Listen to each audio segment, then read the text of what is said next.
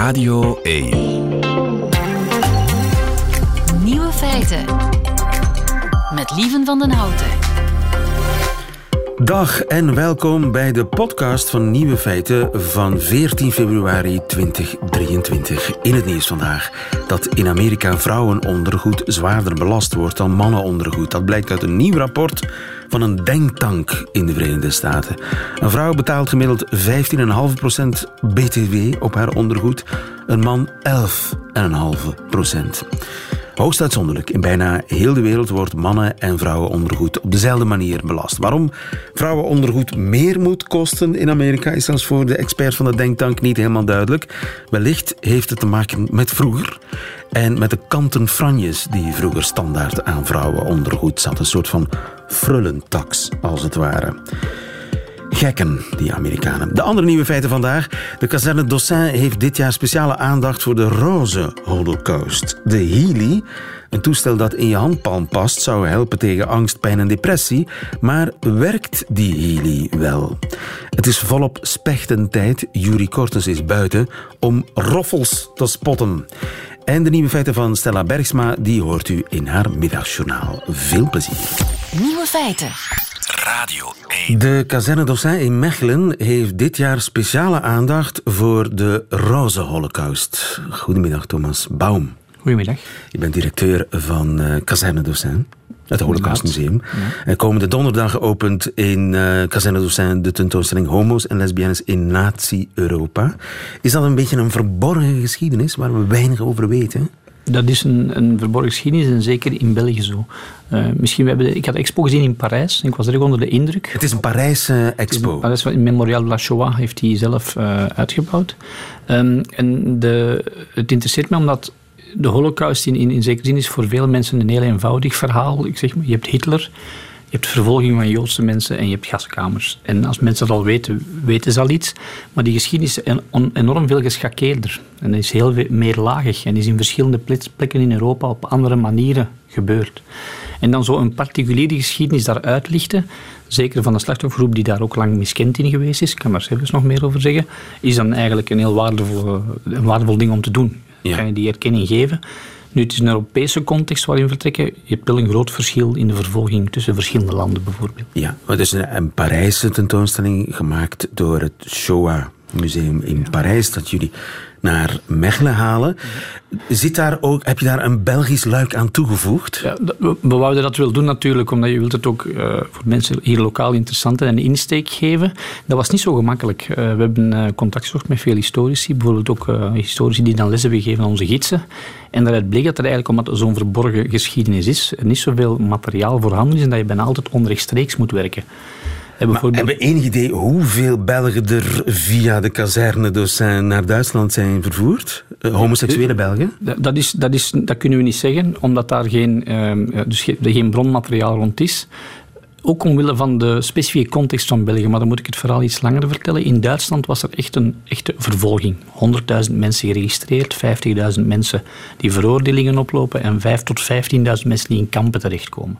15.000 homoseksuele Duitsers zijn in kampen terechtgekomen. Europeanen. En dan in Frankrijk heb je dan eigenlijk een, een wat lichtere vervolging, maar de Elzas-Lotharingen werd eigenlijk beschouwd als een stukje Duitsland ook. Men heeft daar ook een wat hardere vervolging gedaan door de Duitse wetgeving. In Nederland heb je een zachter verhaal. Men gaat registreren en men gaat eigenlijk voorbereiden om te vervolgen. Men gaat fichebakken maken en mensen oplijsten. En hier in België heb je eigenlijk een vrij coulant regime. Ik zie dat hier, dat hier fijn was, dat zeg ik niet. Maar het regime was anders. Je had een militair bestuur. En de, eigen politie en de eigen justitie werkten hier om de, om de orde te handhaven. Dus de impact van het Duitse beleid of ook Duitse wetgeving was hier niet onmiddellijk van impact, waardoor er een zachter regime heerste. Dus het, het hing eigenlijk ook heel vaak van de lokale overheden af wie en hoeveel mensen er naar die kampen werden gestuurd. Dat gold misschien zelfs ook voor de Joodse vervolging, die, die in Antwerpen daar is een, een, een is geweest dan in Brussel. Dus, maar je ziet dat eigenlijk in heel dat verhaal, dat we zijn eigenlijk genoodzaakt in dit van eigenlijk te vertrekken van particuliere verhalen. En die particuliere verhalen zijn heel interessant omdat die een insteek geven in het grote verhaal en een toegang En heb je die gevonden, Belgische particuliere we verhalen? Uh, twee mensen in kazerne Dossin die, die gedeporteerd zijn uit kazerne Dossin omwille van het feit dat ze Jood waren en het feit dat ze homoseksueel waren, was een... een, een Verzwarende omstandigheid. Nee, niet, niet bijzonder. was gewoon iets dat, dat gebeurde. Dat is toeval. was- dat is ge- ook geen toeval, want een van de twee personen, Marta Geringer, er is een mooi boek over verschenen een paar jaar geleden, is bijvoorbeeld een, een dame uit Oostenrijk, komt in Gent terecht, eh, in, in een goede omgeving, wordt daar ook goed ontvangen, probeert toegang te krijgen tot de universiteit en heeft een relatie met een dokter, een vrouwelijke dokter mevrouw Fontaine. En, in, en ehm, de man, en in het proces de ex-man, wordt een beetje jaloers en gaat eh, de Joodse dame aangeven bij de collabora- collaborerende overheid. Indirect. Dus indirect is wel Ja. link, maar dat geeft u dus weer een insteek dat dit particuliere verhaal, dat speelt daar zeker een rol in. En je kunt het verhaal van de collaboratie in Vlaanderen ook ineens open doen. Hè. Een ander verhaal is, is het verhaal van eh, Paul Grossmeijer, dat is een, een Duitse man, die in Duitsland in de jaren 30, eind jaren 30 eh, veroordeeld wordt, in, in Dachau en Boegenwald zit, voor drie maanden veroordeeld, maar wel anderhalf jaar vastgezeten ongeveer, komt nadien naar België, wordt hier opgepakt, wordt via kazerne Dossin naar Auschwitz gestuurd, overleeft dat, Omwille van zijn homoseksueel... omwille van zijn Jood zijn op dat moment. Overleeft dat, komt terug naar België, wil zich hier in 47 vestigen en krijgt dan het bericht, ja, met uw strafblad en wat je allemaal gedaan hebt, zit hier niet welkom, ga maar terug naar Duitsland. Oké. Nu, want ik hoor je zeggen, Nederland heeft fichebakken aangelegd en, en geregistreerd. Lijkt me niet zo simpel. Begin er maar aan. In de jaren 30, 40 homoseksuelen registreren. Hoe doe je dat? Ja, ik- dat is wel eh, een, een, een werk van opleiding geweest, incidenten. Bepaal, je had altijd wel bepaalde plekken. Hè. Bepaalde Ontmoetingsplaatsen. bars, ontmoetingsplaatsen, bars, waar dat dan wel eh, toezicht werd En daar kwam dan iemand met een notitieboekje. Dat weet ik niet zo correct, maar ver- verklikking is nog een andere manier waarop mensen dan... eh, je hebt rekeningen die openstaan. Eh, maar ik denk dat, dat het, het verhaal is, is, voor- is voor ons belangrijk in Casino omdat het eigenlijk een, een, een emancipatorisch verhaal is op, op heel lange termijn. Je hebt, je hebt, in het begin had men, bekeek men het als zonde. En bijna een zonde van, van een goddelijke orde. En werd er heel zwaar op gestraft, tot de dood. Nu spreken gaat we het dan over de we spreken middeleeuwen. over de middeleeuwen, maar we spreken tot begin 19e eeuw. Ja. Dan krijg je een verschuiving, ja, het is eigenlijk een ziekte. Ja, En dan, ah, dat is al een, ander, een andere conceptie. Om dan op het einde van die 19e eeuw, begin 20e eeuw, door te schuiven naar nee, maar dat is gewoon een andere vorm van zijn. En dan krijg je die emancipatie, ja, als het gewoon een andere manier is van te zijn, dan hoef je dat ook niet te bestraffen. En dan krijg je heel die emanciperende beweging, die in het begin van de 20e eeuw goed gewerkt heeft. Ja, en zeker in Berlijn in de jaren 20 was er een bloeiende gay scene. Ook overal. En in op andere ook. plaatsen in de wereld. Bij ons ook, absoluut. Het was soort, eh, ja, vandaar ook de term gay. Hè? Dat, was- het, was, het was een vrolijke boel. Het was een belofte. En dan zie je dat een naziregime dat in het begin eigenlijk een beetje ambivalent toont. Hè. Je hebt ook de, de, de filmen, de propagandafilmen, die, die ook wel een bepaalde mannelijk lichaam verafgoden en waar men dan eh Ja, maar eigenlijk ook wel, wel een soort verborgen homoseksualiteit, of ver- ver- verwrongen homoseksualiteit misschien wel in zat. Hè? Je kunt dat daarin lezen. in die ook- ook in- nazi-esthetiek. Absoluut. En dan de broederschap tussen de mannen, de troepen die samenwerken. Maar op een bepaald moment gaat men er half jaren dertig toch eh, een, een partijlijn groffer zetten. En het was eerder anders. Er waren, er waren belangrijke personen binnen het naziregime. zo Ernst Reum, de, de leider van de Sturmabteilungen, die was heel hopelijk homoseksueel. Eh, nu, je hebt dan de nacht van de lange messen en dan wordt hij eh, vermoord. Hè. Dus niet om die reden, maar omdat hij een belangrijke positie heeft. En je ziet daar daarna toch wel, dat heeft geen oorzakelijk verband, maar chronologisch zie je nadien een verstrenging. En men gaat eigenlijk bestaande wetgeving die in Duitsland al bestaat, hè, die, die bestraft. Het was verboden. Het was verboden en men gaat dat eigenlijk een verwaardere strafmaat geven. En mensen worden eigenlijk veel harder gestraft en worden in kampen opgesloten. Vaak eh, harde werkkampen, Ja. Eh, hoog dodental. Maar dat is dus echt eh, vooral een Duits verhaal. Want in België minder, Nederland een beetje, Frankrijk ook een beetje. Het is vooral een, een, een Duits verhaal. Als je het vervolgingsverhaal in zijn harde vorm en in zijn, in zijn totale vorm wilt, wilt vertellen, vind je in, in het Duitse eh, het meeste Ja, aanknopingspunt. en vooral een mannenverhaal. En vooral een mannenverhaal. Lesbiennes werden in Oostenrijk een beetje geviseerd, maar zijn veel minder geviseerd geworden. Ja, want dat was niet verboden. Want dat, was- bestond wegens het bestaat niet. Het bestaat niet. Het was misschien ook minder bedreigend. Ik weet het niet. Het zal- het zal een- dat is een hypothese natuurlijk. Ja. Eh, En kwamen zij dan gewoon tussen de rest in kampen terecht? Of wa- waren daar speciale afdelingen? Hoe was hun leven in die kampen? Dat is ook weer al heel contextspecifiek. Hè. In, in, in, ik weet dat in Auschwitz hadden ze een aparte barak was er, was er gemaakt. Eh, in andere werkkampen was er veel meer vermenging. In sommige kampen was het systeem van de driehoekjes. En daar heb je het fameuze symbool van driehoek, de roze driehoek dat daar gebruikt werd. Dus dat ook altijd heel specifiek. Er was niet zo een groot, het grote nazi-handboek van hoe verdelen we iedereen. Dat is altijd heel... ehm, En ik neem aan dat het. Leven in die kampen, zeker als je dan gemengd zat tussen, tussen de anderen, dat dat zeker in die jaren eh, niet zo eh, rooskleurig moet geweest zijn. ik, ik denk dat dat voor niemand dat er zat rooskleurig Ja. was. Ziekte, Maar dat, dat je ook nog eens ja. tussen, door die medegevangenen werd belaagd. Mogelijk. Ik zeg maar, dat, is, dat is weer al de anekdotiek van, van, van individuele verhalen die je moet kunnen reconstrueren. En dat is niet zo gemakkelijk. Ja, de tentoonstelling opent eh, donderdag, loopt nog tot december. Hoe relevant is dat vandaag? Dat, op, op twee manieren. Wij willen dat tonen, want dat is echt de moeite om, om daarover te praten en na te denken. En als je naar eh, Rusland kijkt vandaag, het is Ja. heel recent. De, de, vroeger sprak men van homo's, lesbiennes, vandaag is het LGBTQI+. Die gemeenschap in Rusland wordt nu ook actief vervolgd. Ook daar wordt wetgeving die al bestaat van zwaardere straffen voorzien. En allemaal in een verhaal van propaganda. Juist, ja. Dat het, de Het is eigenlijk bijna een casus belli, hè? want je hoort zelfs ook die, die, die man, eh, de topman van de, de, de Russisch-Orthodoxe kerk, Kirill, hoe heet die? Ja, die, en die koppelt dan het fascisme eraan. Zeg, Ja, die, die, die fascistische moraal van het verderf, verderfelijke Europa. de Russische waarden moeten beschermd worden tegen de gay prides van het Westen. Absoluut. Ja, en is, eh, Dus het een is eh, actuele- actueler dan ooit, helaas, moeten we zeggen. Thomas Bouw, Helaas. dankjewel. Goedemiddag.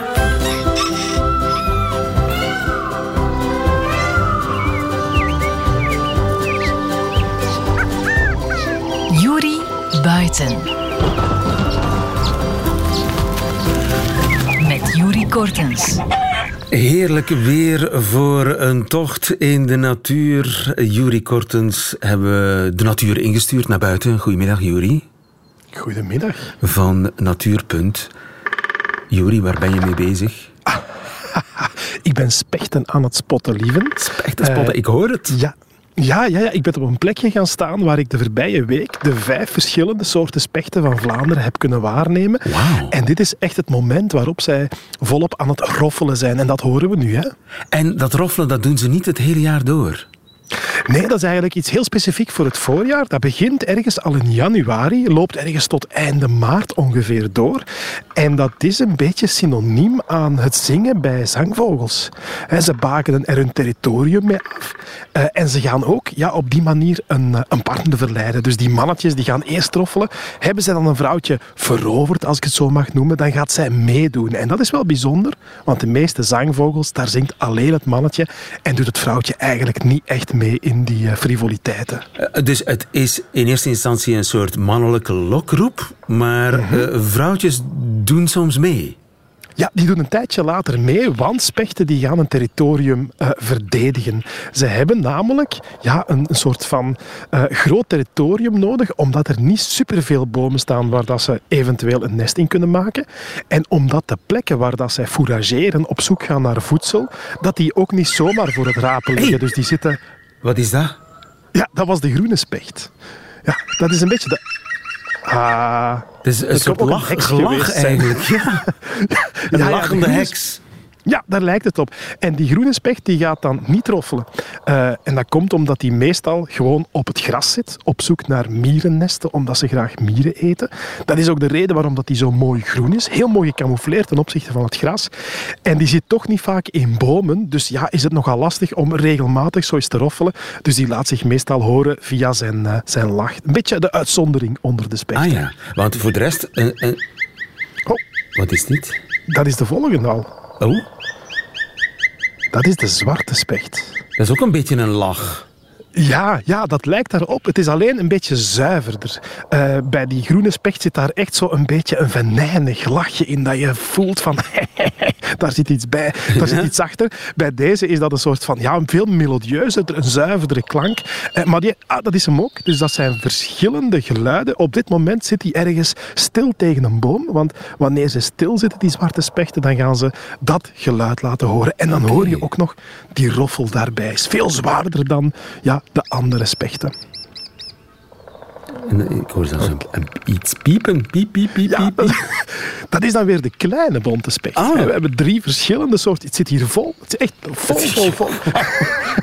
Een geheime plek, hou dat geheim. Ja, want ja, ja, ik- anders gaat niet iedereen verklappen. daar naartoe. Ja, ja, ja ik, ga, ik ga even mijn gsm afzetten, want anders kunnen ze mij traceren.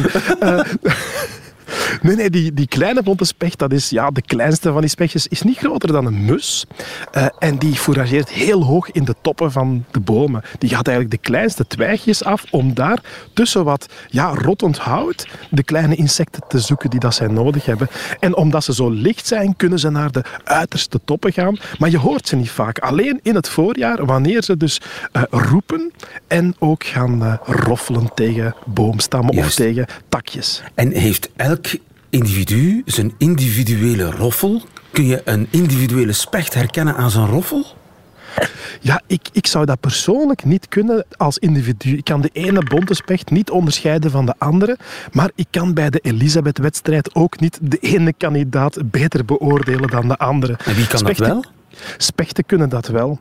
En je hebt natuurlijk niet zo heel veel mogelijkheden om te variëren met dat geroffel. Maar er zijn zo twee dingen die heel belangrijk zijn. Dat is de, de intensiteit waarmee dat je dat doet.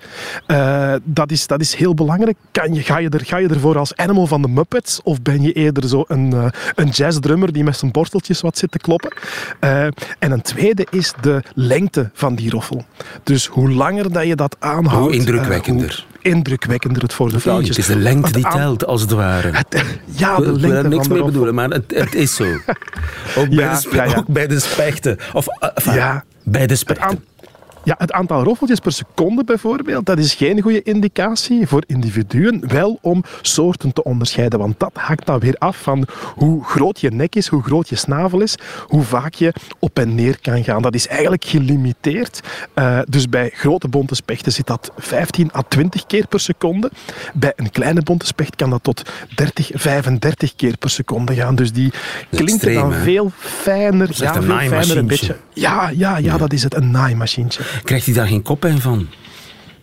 God, dan moeten we aan de specht natuurlijk zelf vragen. Maar we weten dat er wel wat aanpassingen zijn om, eh, om geen hoofdpijn te krijgen. De eerste is alvast... Ah, de specht moet daarmee lachen. Eh, de eerste is alvast dat zij heel kleine hersenen hebben. En dat die hersenen eh, niet gerimpeld zijn zoals een okkernoot, zoals dat bij ons het geval is, maar dat die heel glad zijn. Eh, dus er zijn weinig, weinig instulpingen aan en er is weinig hersenvocht. Dus ze zitten redelijk stevig in die ja, dikke schedel. Er is ook een soort van ja, bijzonder tongbeentje. Eh, dat is een bot dat aan, aan de tong, of waar de tong aan vasthangt. En bij spechten loopt dat helemaal door achter de schedel tot boven op de kop. Als een soort van ja, veiligheidsgordel rondom die snavel. Of rondom die schedel, moet ik dan zeggen. Eh, en dan weten wij dat ze gewoon er volle bak voor gaan. Dat ze super hard trommelen. Eh, want ja, je hebt natuurlijk wel wat impact nodig om door zo hout te geraken. En waar wonen ze? Wel, eigenlijk, die spechten, dat zijn typische bosbewoners. Hè? Dus die groene specht, dat is een, een, een open landschap met bomen, want ze moeten wel een boom hebben om in te, om in te broeden. Eh, de bonte spechten en de zwarte specht, dat zijn typische bosbewoners. En het hele mooie is dat we de voorbije ja, decennia, de voorbije 10, 20 jaar eh, daar ook wel wat evolutie in gezien hebben. Er is namelijk een grote bonte specht, een kleine bonte specht, maar er bestaat ook een middelste bonte specht. En dat is zo wat meer de, de eigenlijke specialist die zegt van ja, ik moet voldoende doodhout hebben, eh, want mijn snavel is niet sterk genoeg om gaten te maken in bomen die te hard en te gezond zijn. De zwarte specht kan dat dan weer helemaal perfect. Die heeft het liefste beuken. Hoe harder, hoe liever. Daar maakt hij dan zijn, eh, zijn holte in. Zo hebben ze allemaal hun specifieke voorkeuren. Maar hoe meer dood hout in de bossen, hoe interessanter. En daar zien we dus dat ondertussen ja, de bosbouw eh, of het bosbeheer veranderd is van puur productie naar ook die andere functies, namelijk biodiversiteit, uiteindelijk, uit, uiteraard, eh, CO2 opvangen, mensen die kunnen gaan wandelen. En je ziet dan meteen dat dat effecten heeft op ja, de doodhoutsoorten, zoals die, eh, zoals die spechten. En dus de spechten doen het goed. Ja, over het algemeen. De spechten doen het, uh, doen het echt wel bijzonder goed. Die middelste bond, daar moest je uh, twintig jaar geleden echt nog voor naar, naar de zuidelijke regionen van Vlaanderen, naar de Voestreek en dergelijke. Uh, nu heb ik die dit jaar voor de allereerste keer ook hier, hier om de hoek op mijn geheime plekje gevonden.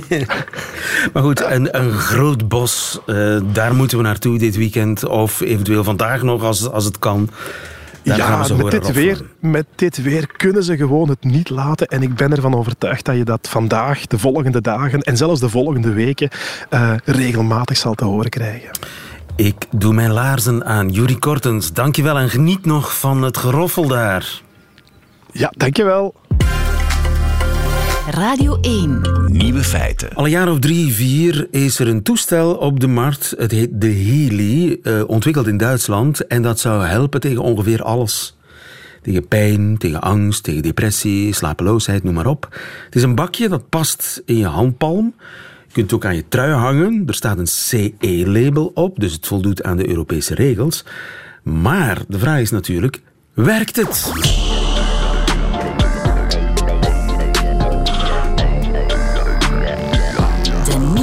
Feitenchecker.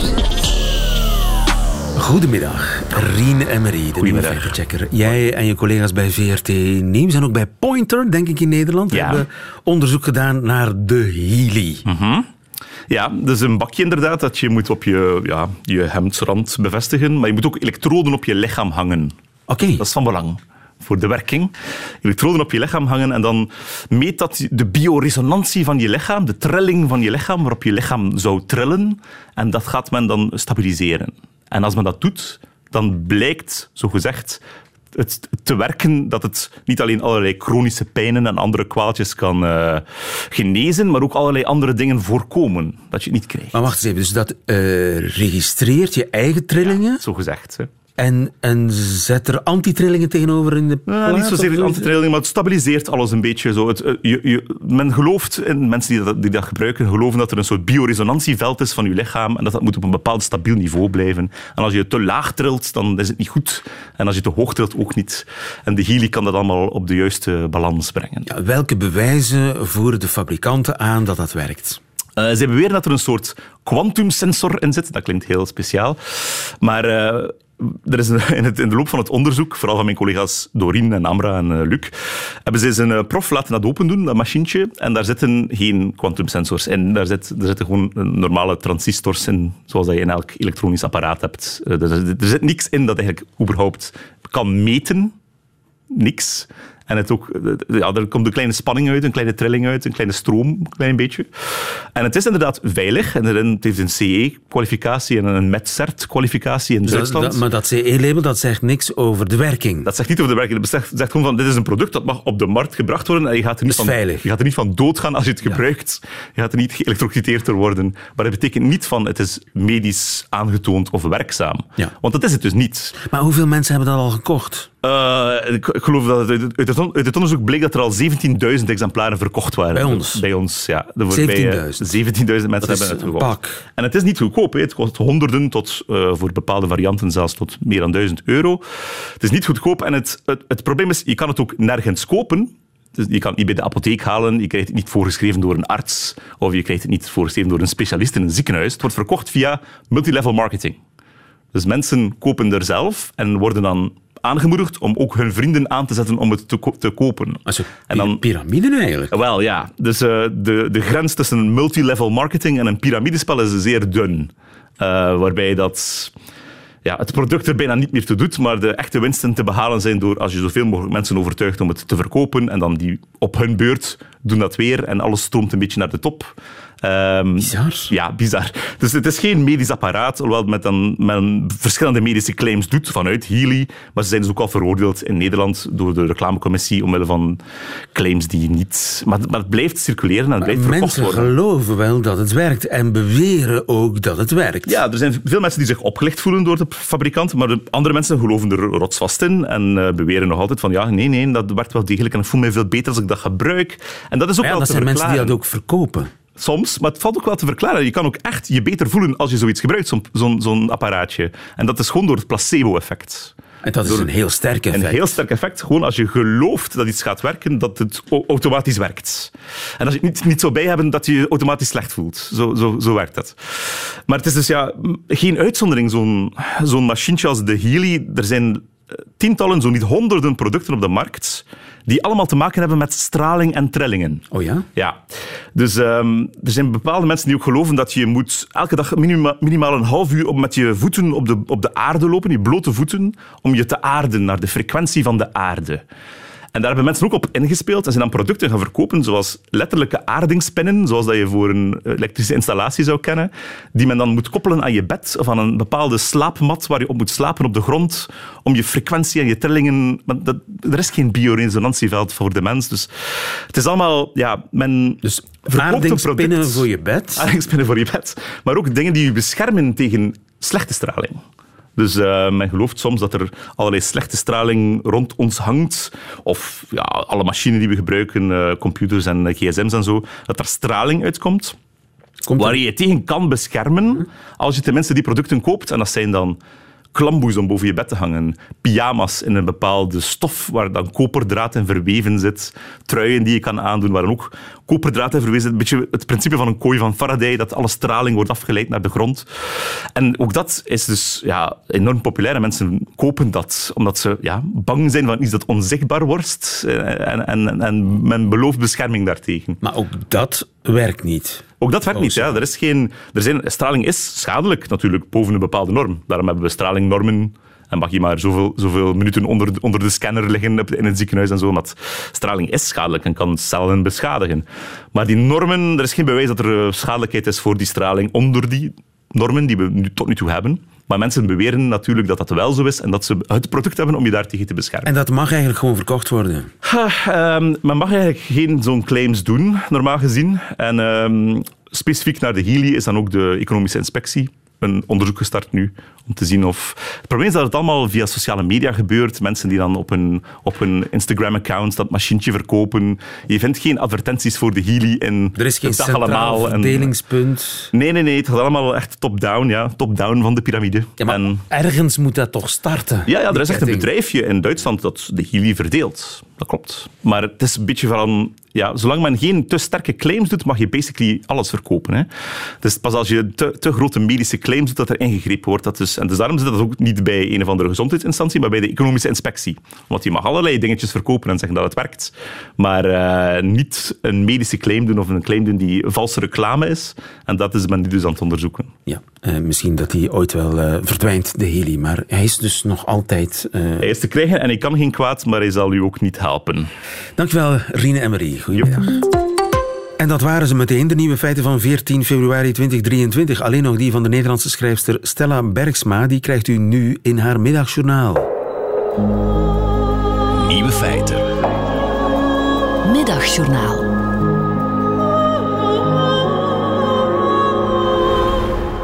Lieve Valentijntjes, ik wil op deze dag vol liefde even aandacht vragen voor een onderwerp vol haat. Femicide. In Nederland worden er ieder jaar ongeveer 44 vrouwen vermoord en in België is dat gelukkig minder, zo rond de 20, maar niet minder erg. Dat zijn gemiddeld meer doden dan er door terrorisme vallen in onze landen. Terrorisme wordt terecht heel serieus genomen en er wordt meer geld uitgetrokken voor terrorismebestrijding dan voor femicidebestrijding. Nou is dat logisch, zul je misschien denken, want femicide zijn allemaal individuele incidenten in de intieme sfeer, terwijl terrorisme politiek geweld is dat als doel heeft om angst te zaaien.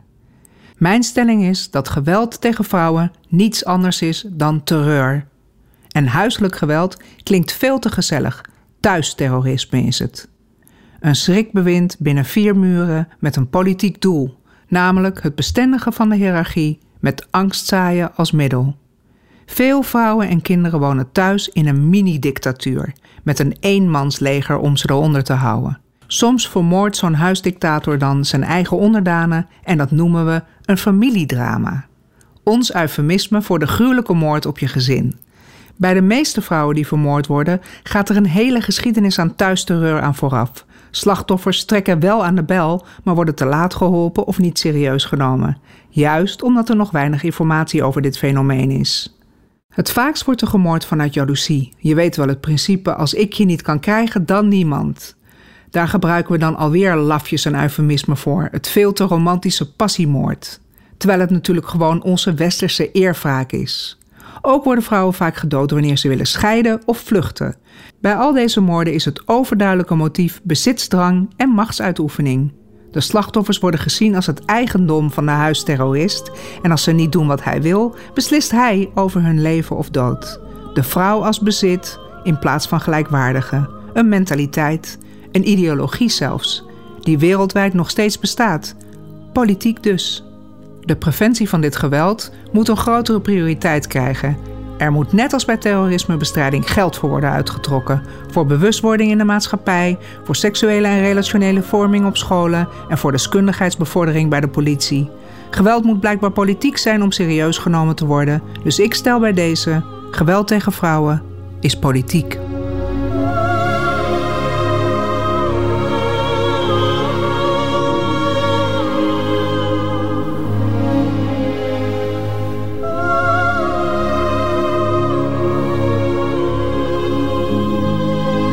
Het middagjournaal met en van Stella Bergsma. Einde van deze podcast. Hoort u liever de volledige nieuwe feiten met de muziek erbij? Dat kan natuurlijk in levende lijven op Radio 1.